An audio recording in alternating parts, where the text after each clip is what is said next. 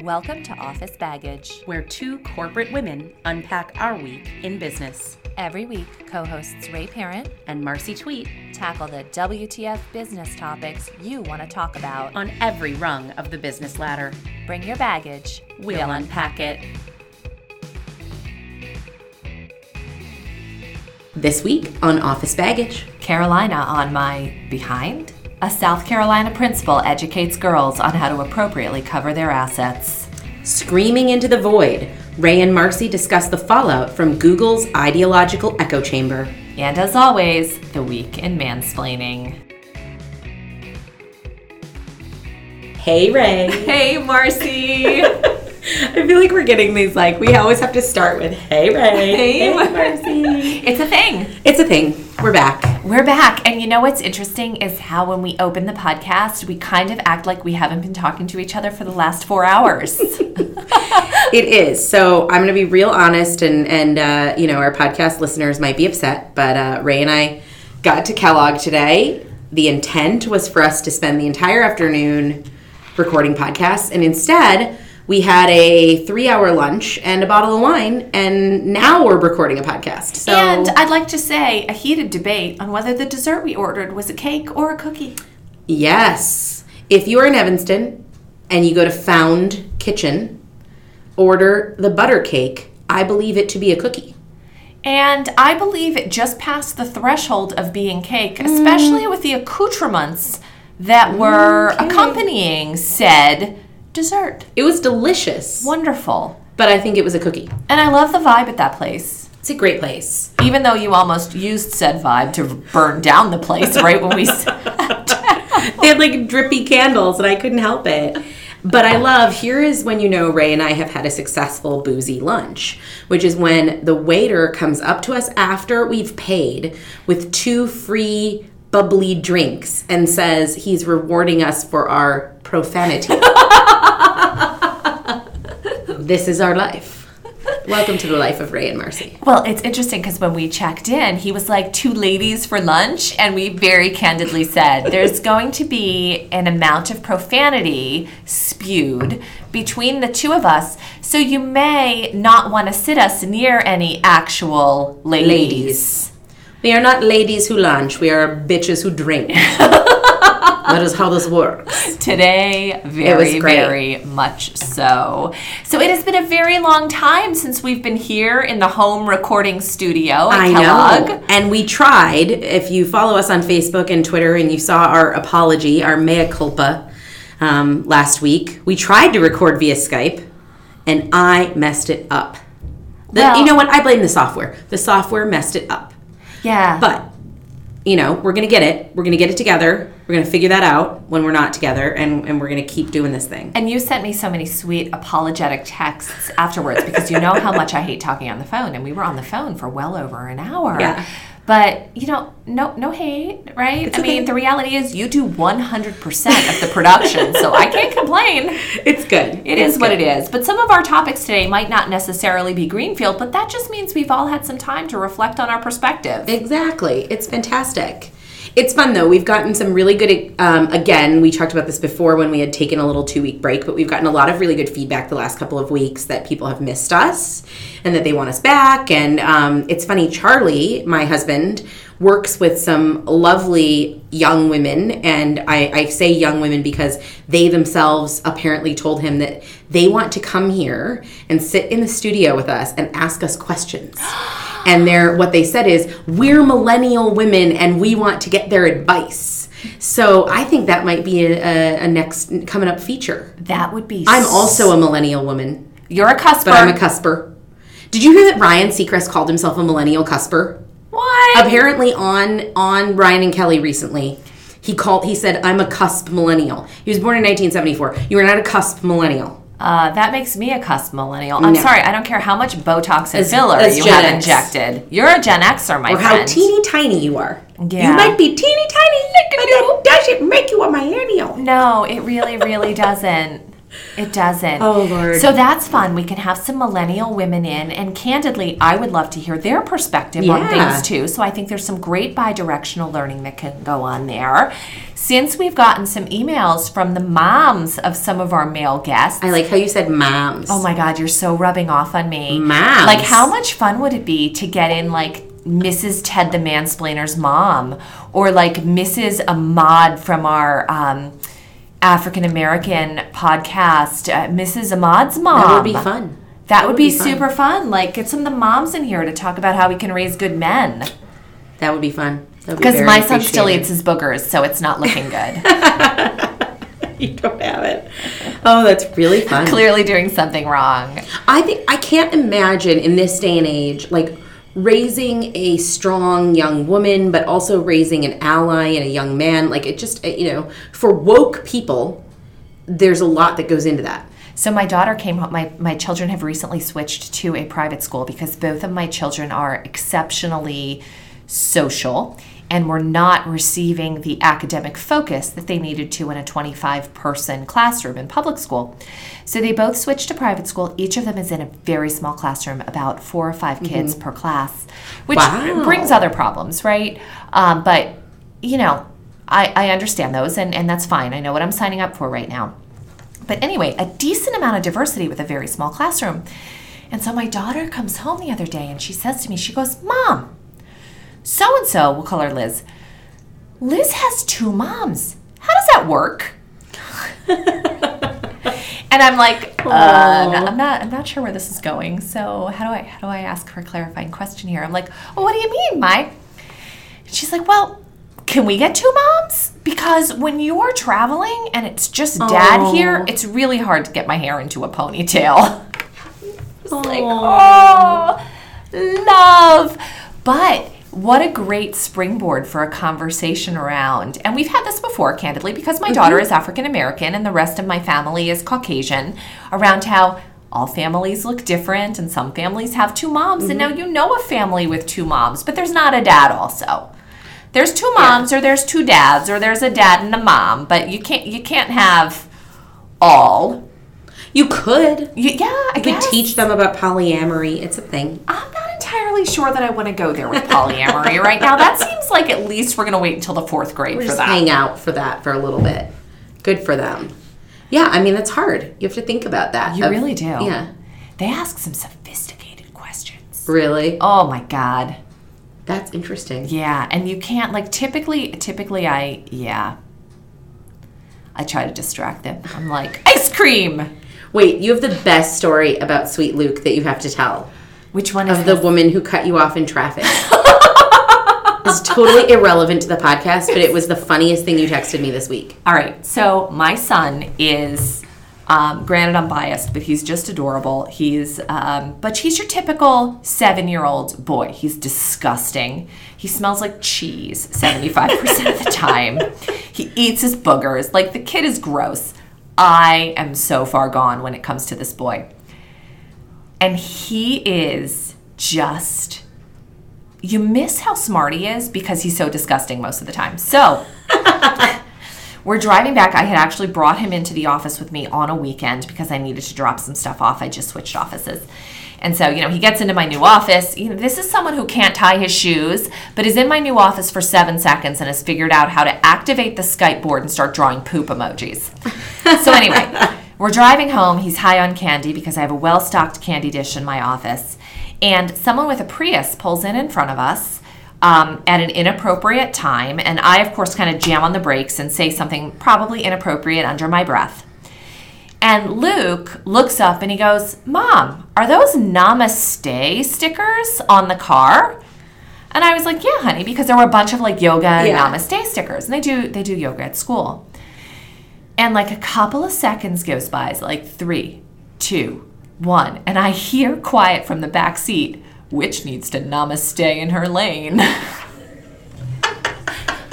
I legitimately, oh this Oh is where God. I need to have my husband in the car because Chris will turn that into a teachable moment. Oh my god. Me, on the other hand, I pulled over not for the teachable moment, but so that I could laugh and not crash the car. Which needs to namaste in her lane. Like, I from am- a seven year old. from a seven year old boy. Now, I am entirely sure that, you know, when they were doing yoga at school or something, one of his teachers said something like, because Luke has ants in his pants, like, namaste still, Luke, or something along those Yeah. lines. But the fact that he made it his own in a road rage moment, I feel like I'm done raising him. Well, I mean, if you ever had any doubt about the fact that he was your child, like right in that moment, like that is a Ray parent thing to say. It really is. So, you know, hey man. Uh, so on the subject of education, I saw something this week. I mean, pretty often I will text you something that I see, like, oh my gosh, we have to talk about this Yeah. on the podcast. So, in the Miami Herald, going back a little while, August 25th, a principal in South Carolina began the school year with a controversial fashion statement about leggings, is how the article began. So during a discussion about dress code a 10th, at a 10th grade assembly, Heather Taylor, the principal, allegedly said, and I quote, the sad... It's not allegedly. They have her on tape. okay, Sorry. They have her on tape. I listened to the tape. So go ahead and say She's- what she said. Bitch said it. Bitch said it. The sad thing is that, ladies, if someone has not told you this before, I'm going to tell you this now. Unless you're a size zero or a two, and you're wearing something like that, even though you are not fat, you look fat. They show everything. Everything. So then she went on to talk about how leggings are meant to be worn under a long sweater or some kind of dress and reinforced the point that you and I have made pretty often on this mm-hmm. podcast. Like, neither of us disagree. Leggings aren't pants. True. But I, the thing that I struggle with on this is like, look at woman, you're an educator. You've got to follow news. You've got to see social media. Mm-hmm. You can't say that. People are going to take it to the mat. Yeah. And of course they have. Mm-hmm. people are going to freak out and it it just it makes me sick to my stomach that an educator a principal would say to any young woman you look fat And she tried to nuance it. The thing It was, just- she tried to talk to an assembly of 10th grade girls like she was sitting across a bar, uh, you know, at a bar Mm-hmm. with her girlfriend having a conversation. I mean, you and I have had this conversation. I've texted you before and, and been like, look it, I don't understand how anybody looks good in skinny jeans. Unless Yeah. you're legitimately twiggy, like, I don't understand how anybody looks good in skinny jeans. Like, I've said that before, but I wouldn't say that in front of an assembly of people. And it's not even people, it's young, impressionable young women. Because the thing that's interesting, a student said it was really hurtful because I felt like my size made me look disgusting towards someone in the clothes that I wear. So the thing that I don't like it, as a fat chick, proud, happy fat chick, as a fat chick, when she says, unless you're size zero or two, you wear something like that, even though you aren't fat, you look fat. What she's, and then what this girl says, quote after it, I felt like my size made me look disgusting. So she said, You look fat. And what the girls heard was, You look disgusting. Well, and what no educator should say, You look disgusting. Well, what she said was, she said, the sad thing is, and even though you are not fat, so she tried to caveat it, but I'm sorry, when you try to caveat it, that means that you know what you are saying is wrong. is inflammatory. Right. And can we just listen again, as a fat chick, I'm fine with the word fat. I don't have a problem with the word fat.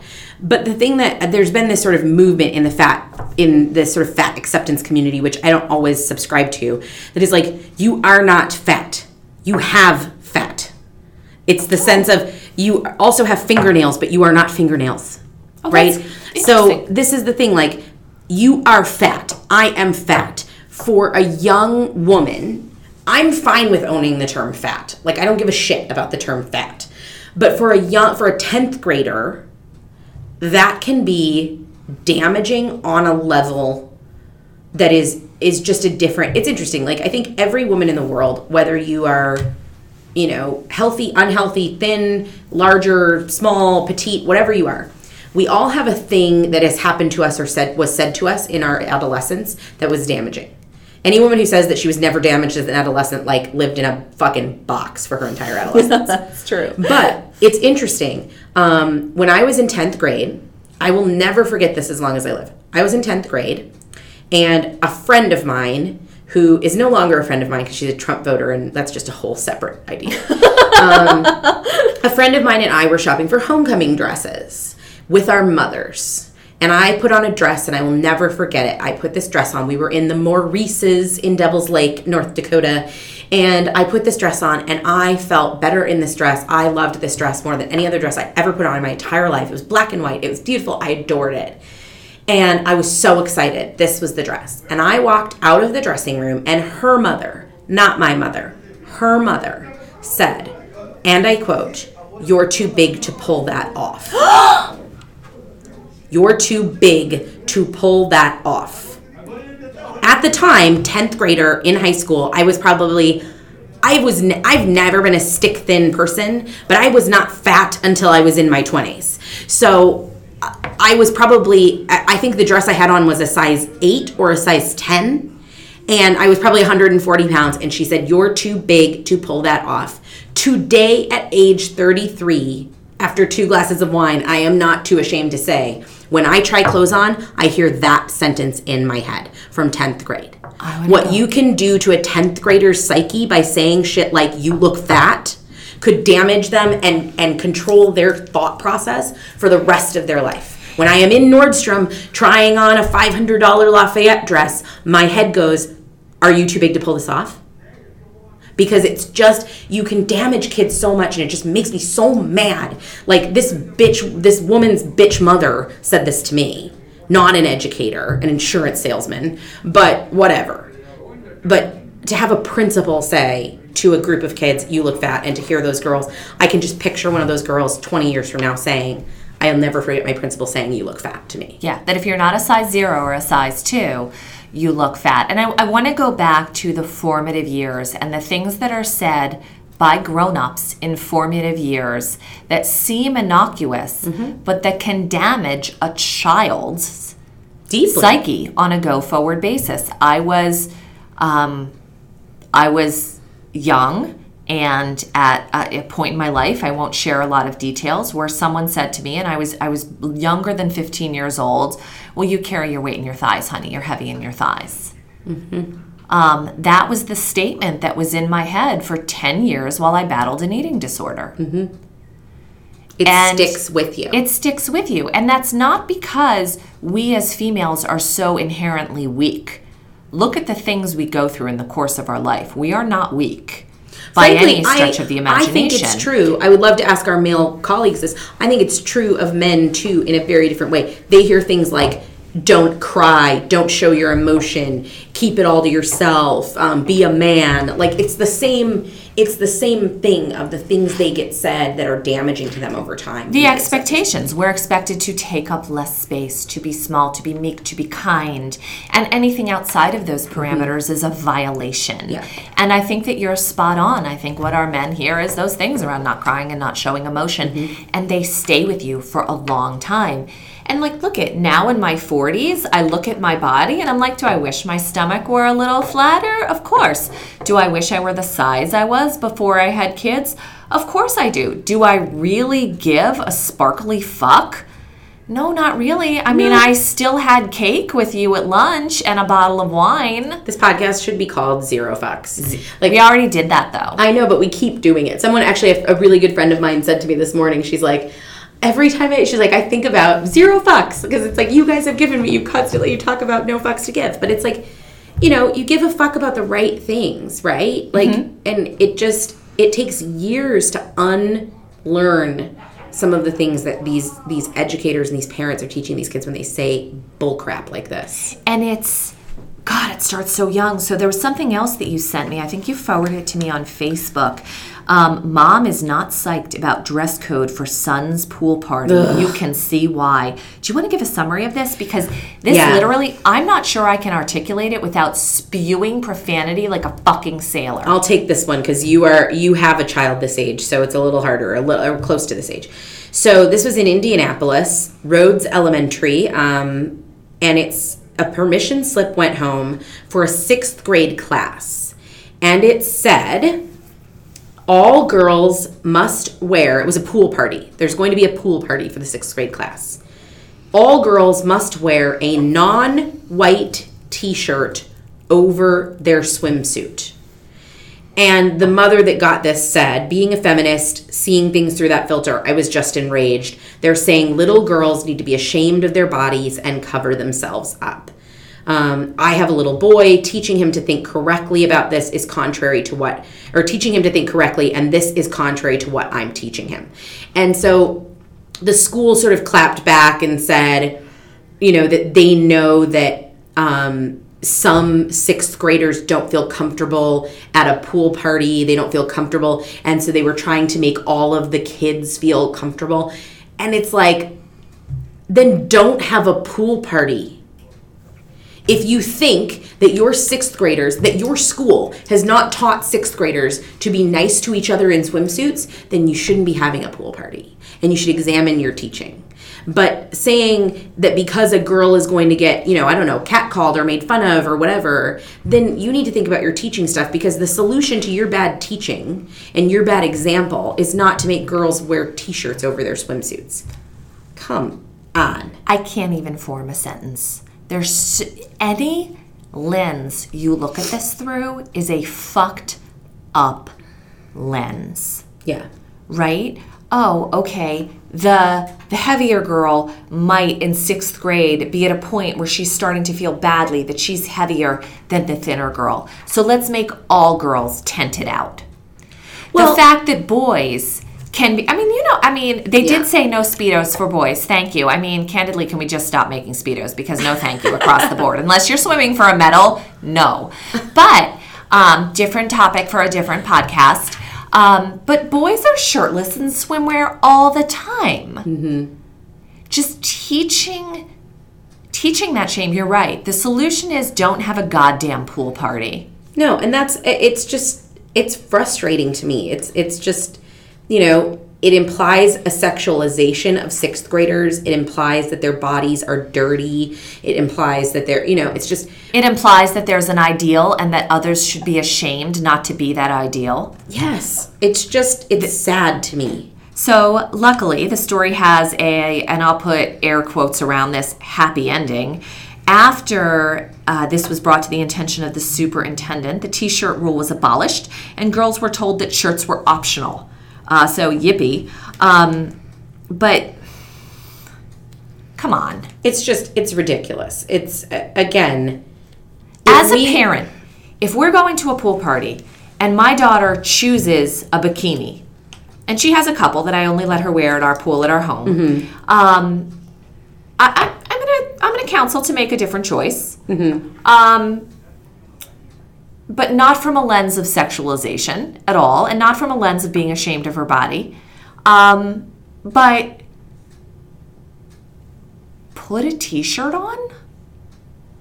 so well let's let's unpack this because i'm actually really interested in your thoughts as a parent what is your reasoning or what would be your counsel to maya to wear a one piece versus a two piece Maya's an exceptionally active child. Her two piece, as she's doing flips in the school in the pool, falls off. there you go so okay so, that's the totally acceptable this will be more comfortable for you you won't tug on it as much It's not going to fall off. It's not gonna fall Sweetie, off Your, you. your swimsuit falling off at home is funny. Your swimsuit falling off at a, at a pool party with your peers would, would probably. Do you think you would be embarrassed if that happened? Yeah. That's where that comes from. for sure so totally mean, appropriate The kid's a machine. she has a nine sense. pack. She, she is a machine she's a machine. i love that child Um, but that's that's beside the point. Yeah. Even if she were built like a normal human being, it would be about Mm-hmm. function. Yeah, 100%. 100%. I mean, it just, yeah, it's just frustrating to me. It's, you know, it, it goes, it, it starts at this age of t shirts in the pool, and then it goes to leggings in high school, and then it goes to articles like, you know, you even see them today in magazines, in mainstream magazines, of, you know, uh, can can you wear a crop top? Can you get away with a crop top? Where if you like a crop top, wear a goddamn crop top. I don't care if you're 400 pounds or 100 pounds. You know what my favorite is? And it's the end of the season, but how to get a bikini body. Oh God, I hate the Put on a body. fucking bikini. That's Put how you get a bikini, bikini body. beach- or beach body. How to get a beach body? Go to the beach. You have a beach body. That's how it works. Now listen, I'm not. This is you know. I feel like I have to caveat this because I am a fat chick.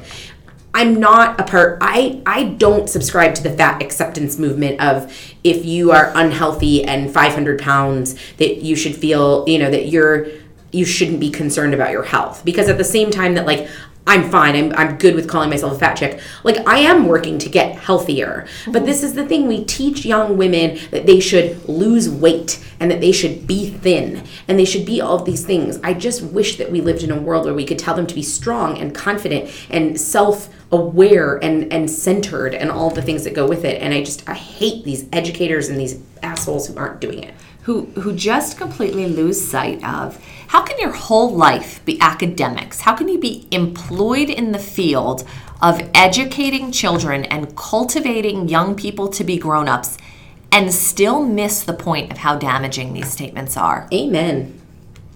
Amen. Speaking of damaging statements, there's my uh, my segue Here's your segue. into Google. Our friends at Google. Our friends at Google. This is going back a while. It's it's a it's a it's a few weeks old, but it cannot be left un, unsaid. Google. So, um, what was this dude's name? God, I don't know. Do we need to say his name? No. So, some dude at Google. Some Um, dude at Google. Some em- some dude employee at Google submitted a manifesto and look it. I know I'm older than you, but you saw Jerry Maguire, right? yes. Okay, so you write a manifesto. We all know how this is going to end. Your ass is going to get fired, Right. right? If we learn nothing from Tom Cruise. Right. Jay Mohr takes you out to a really bad restaurant and he fires your ass. That's Right. No kidding. So, Google's ideological echo chamber was the title of said memo, and the author argues that women are underrepresented in technology not because they face bias and discrimination in the workplace, but because of inherent psychological differences between men and women. Quote, we need to stop assuming that gender gaps imply sexism, he writes, going on to argue that Google's educational programs for young women may be misguided. So basically, this, um, speaking of misguided asswipe, sorry, can we cut that? Because I don't want to sound judgy. So this individual goes on to parse out the differences between men and women and then explains why this is why women are not as fit for jobs in technology. Ugh. And I just, as as a female CIO, blood is boiling right now. Yeah. I am, look it, I'm really candid. I don't think I've ever said where I work, but I'm, I'm really candid Mm-hmm. about, look, my company doesn't do anything, uh, doesn't do everything perfectly. Right. But They God damn it, we try. Right? Mm-hmm. And we've talked about intent a lot. And tackling bias, calling out bias Mm-hmm. is a huge part of what we do at our company. It's a huge thing that, that leaders are candidly held accountable to. So, look at this man is not wrong when he says that there are differences between men and women. What he is so wrong about and what he is fundamentally missing is the fact that the board of people that selects who advances to the next level habitually goes with what is more comfortable for them, which is what is male and not candidly all those things that are different and that are female.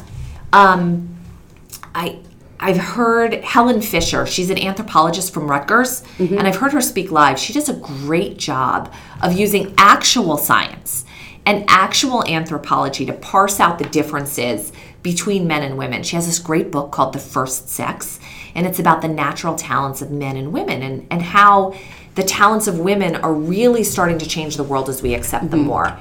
And so she talks about the web thinking that women apply to things versus the step thinking of men. And it's not to say that step thinking is wrong. But when you accept a web thinking model and when you integrate that with the step thinking from a place of acceptance, you get greater lift. Absolutely. And this is the thing that this dude is just fundamentally missing. Yeah, it's the inherent bias, the um, you know, the tendency to prefer like versus like. I mean, let's not forget there are more dudes named John that are CEOs in the S&P 500 and dudes named David that are CEOs in the S&P 500 than there are women. You know, so it, it's natural and we get it, but being aware of those biases is really important. And by someone putting out a memo like this, a manifesto like this, it just ignores all of the numerous and, and nuanced issues that are involved here. And look, the fact that we as women, stereotypically, I'm not saying across the board, because candidly, there's a lot of studies that show, based on the criteria that I'm about to articulate, Bill Clinton fell more female than male. Web thinking, seeking connection as a woman over seeking rank as a Mm-hmm. man. Women tend to have more of a win win attitude, men play to win or lose. Women tend to be better at communication a little bit more broadly and across more channels than men. And again, these are generalizations. Right. But um, the fact that he has then taken this to a point where he says, but that means women can't learn technology. That means, from a STEM perspective, your brains are not fit, is just so utterly fucking preposterous that, I mean, there's over like a billion words in the English language and none that I can craft together in a manner that's appropriate to summarize how much I want to hit him in the face with a chair.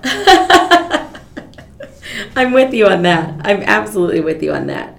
I'm glad. I mean, he got fired, so So let's talk about that a little bit. Yeah. Because this is an area where you and I have exchanged some texts. Mm-hmm. I'm not sure where I stand on that. oh, see, I I absolutely stand on the side that he should have been fired. I'm glad he was fired, and here's and here's why. I don't know that he should have been fired. I don't know that the reason he should have been fired was because of the memo, um, because he wrote a memo. But I think the reason he should have been fired is because female Google employees reported that they felt attacked by this memo. And if you have an employee, whether explicitly or implicitly, is attacking other members of your organization, you have the responsibility to fire them. I see that 100%.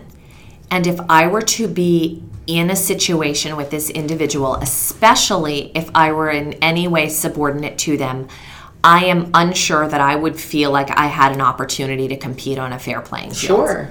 Um, that said, I've not felt like I was on a level playing field my entire career, but this is this is an outlier, so I get that.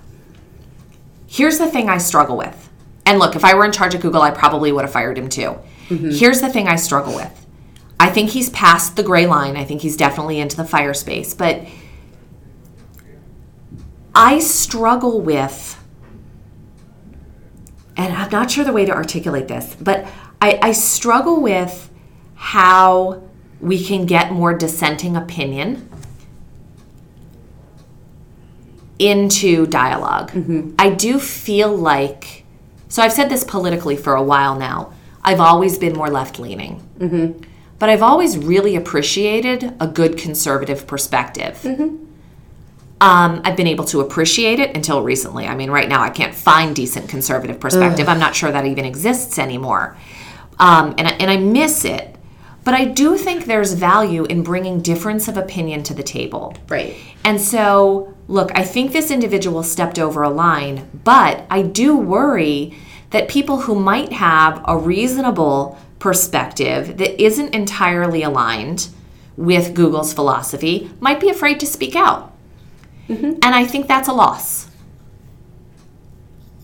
Yeah, I think it's interesting. One of the things that frustrates me about um, diversity and inclusion programs in, in big corporations is that a lot of the initiatives in diversity inclusion center around feeling something. We want women uh, to feel supported.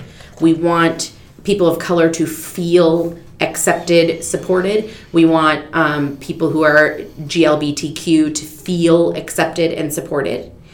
But what it doesn't get to is the inherent issues with not just making those people feel a certain way, but giving them real opportunity to advance in a colorblind and genderblind kind of organization.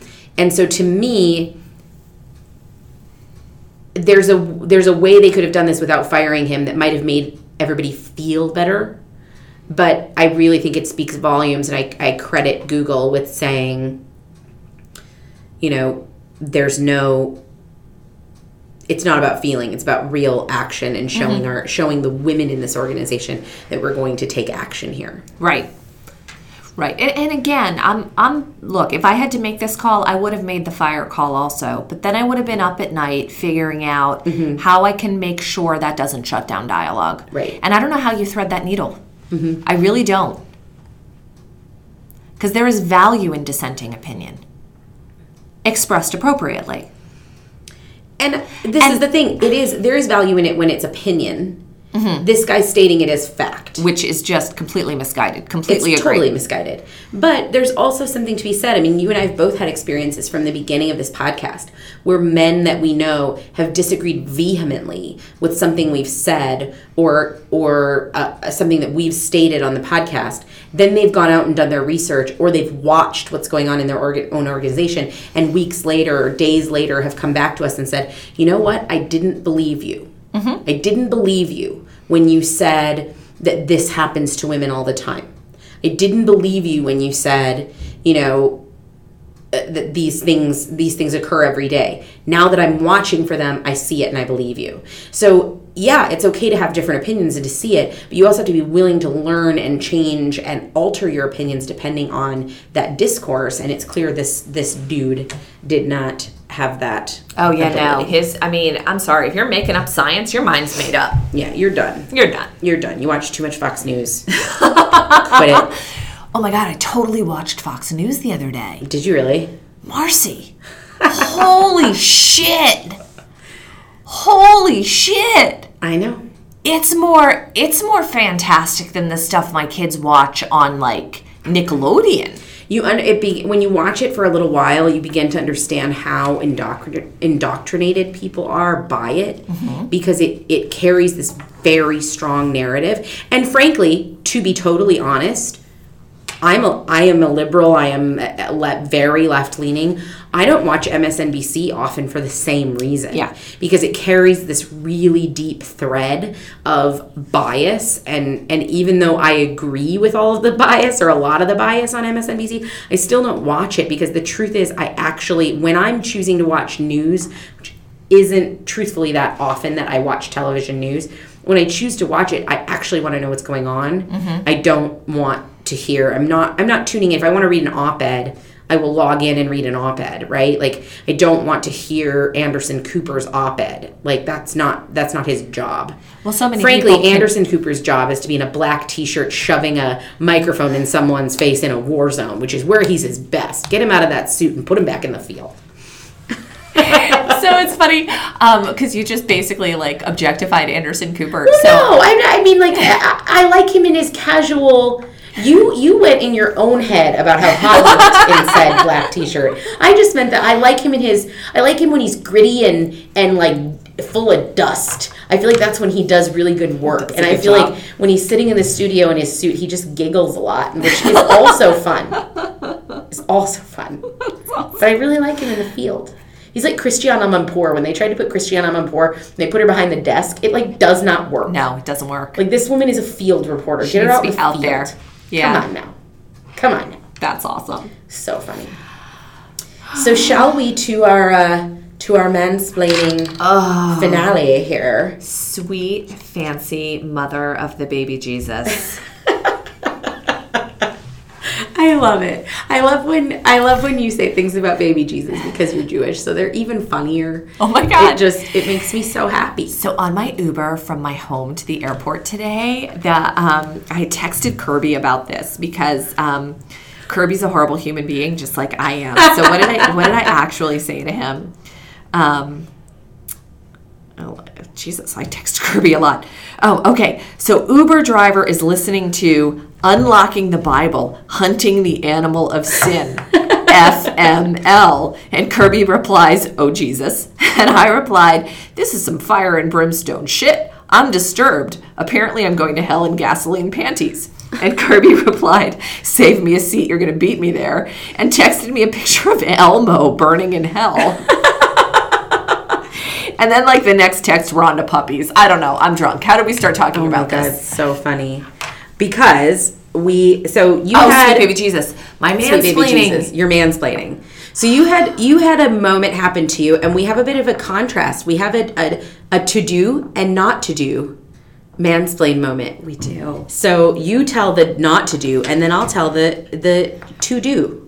So I was in a simulation scenario for a seminar that I was in. I was in an advanced learning thing um, a couple of weeks back now outside of the Kellogg experience because we've had a couple of breaks. We've had a few months off. Um, so anyway, we were going through this crisis management exercise, and we had about an hour to assimilate a massive amount of information and prepare a briefing. So you know me, I'm a professional adrenaline junkie. I love forming chaos, and you put a time clock against that, and I'm in heaven. Yeah. Right. And I know that's not everybody's comfort zone. And look at, I mean, I think everybody who listens to this podcast knows a lot of people are more polite than I am. So my team and I were in a room doing that thing that we all do when we're a new team, where we're all just kind of looking at each other. And so for me, it felt like four hours had gone by, but it was probably about four seconds. So I just start breaking things down. I break the situation out into five areas, assign each group member um, a goal, give them 15 minutes, construct a framework in which they can come back, then facilitate the debrief and kind of structure things Sure. for the group. And while we're doing this and people are giving their readouts, I'm documenting everything so that when we leave, we've got our assignment completed. So we're done about 10 minutes early. We're about to leave the room. And one of my teammates, a man, looks at me and says, Thanks for typing that up. It looks pretty. And Marcy, my jaw It's hit still- the fucking table. I've heard this story like ten times, and I still am angry about it. So I'm like, I'm sitting here and look at this has happened to me a countless amount of times in my life. But I'm just, I'm sitting here, I'm like, did that just happen? Again? Is he joking? Like, this whole narrative's going on. Can I say something without seeming like I'm too sensitive? Um, so I'm like, I just look at him, I'm like, what? Are you kidding? Yeah. And he's like, What? No, it looks good. And I'm all, Of course it's good. It's good because I organized and directed a quality work effort. I facilitated the dialogue. I documented it in such a manner as, mm-hmm. as to meet the objectives that we had here. And he looks at me and goes, It's a compliment. Oh my god. And I'm just like, I'm shaking my head. And I just, I want to, I just, look at it. it's a, these are people I'm never going to see again. I'm just going to walk away. So, anyway, we get in the simulation room for the next round of this, the next day. And in the period in between, I had heard him talking to some people and saying, like, I tried to give her a compliment and she didn't know how to take it. Ugh. So we get in the room the next day, and you know me, I'm like, I'm done with this bitch at this point, right? And he looks at me and he goes, God's honest truth, Marcy. He goes, Ray, do you want to scribe again? Oh my god. Do you want to scribe again? So I did something that I have never done before. In my professional life, like actually when it counts on the job or in any kind of classroom scenario, I found it in. I was like, nope. I sat there and did fucking nothing for an hour. Oh my God. And I let him run it. And how did that turn out for him? Shit show. Yeah, of course. Couldn't find his ass with both hands in a map. Oh my god. But what was interesting was there were two other women in my group and they both let it happen. They knew what I was doing when I bowed out and they bowed out with me. They let it happen. Good for them. Yeah. Good for them. Yep. I was impressed. That's great.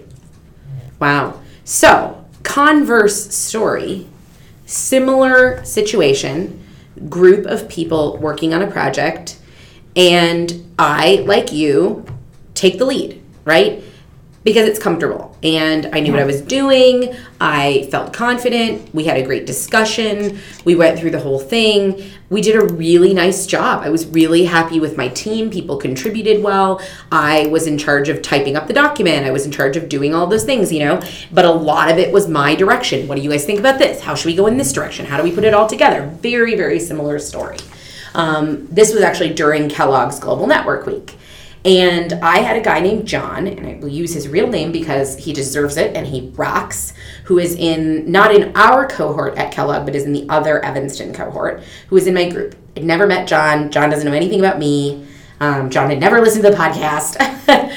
And Hi, John. I'm sure you listen I'm sure you listen now. Um, and at the end of the week, after multiple projects like this, where I sort of took the lead, but other people were really, I mean, John and other members of our team were really fantastic, but I was the, you know, it would be easy for him to say, thanks for typing that up. It looks pretty. He said to me, thanks for doing all the work this week, Marcy. Hmm. You did a great job. Now, I didn't do all the work. And I said that to John. I said, John, I didn't do all the work. You guys did as much as I did. And he's like, You did the lion's share of it. And I thought, what an incredible and I, I pontificate i don't know john's staff but i can imagine that the women on his staff get a lot of credit. Yeah. and i can imagine that he gives a lot of credit where credit is due. And i walked away from that interaction with him in my first week getting to know him and being on a group with him thinking this is the kind of male leader we need to promote. We need to believe in. We need to put our our our you know our power behind because he's helping women get ahead. He isn't saying, thanks for typing that up, that looked pretty. He's saying, thanks for doing the really lion's share of the work, whether I, that's true or not. I struggle with the stigma associated with putting pen to paper. Mm-hmm. It's like if you're the person who agrees to take notes, or you're the person who agrees to step up and write on the flipboard, or you're the person mm-hmm. who, you know, whatever, who agrees to memorialize in any way, shape, or form, that in doing that, you've effectively put yourself in a subordinate position. I don't understand that. There was I've never New, understood that. There was a New York Times article in um, July that we never talked about on this, I don't think. And it was, God, I can't remember who said it. Um,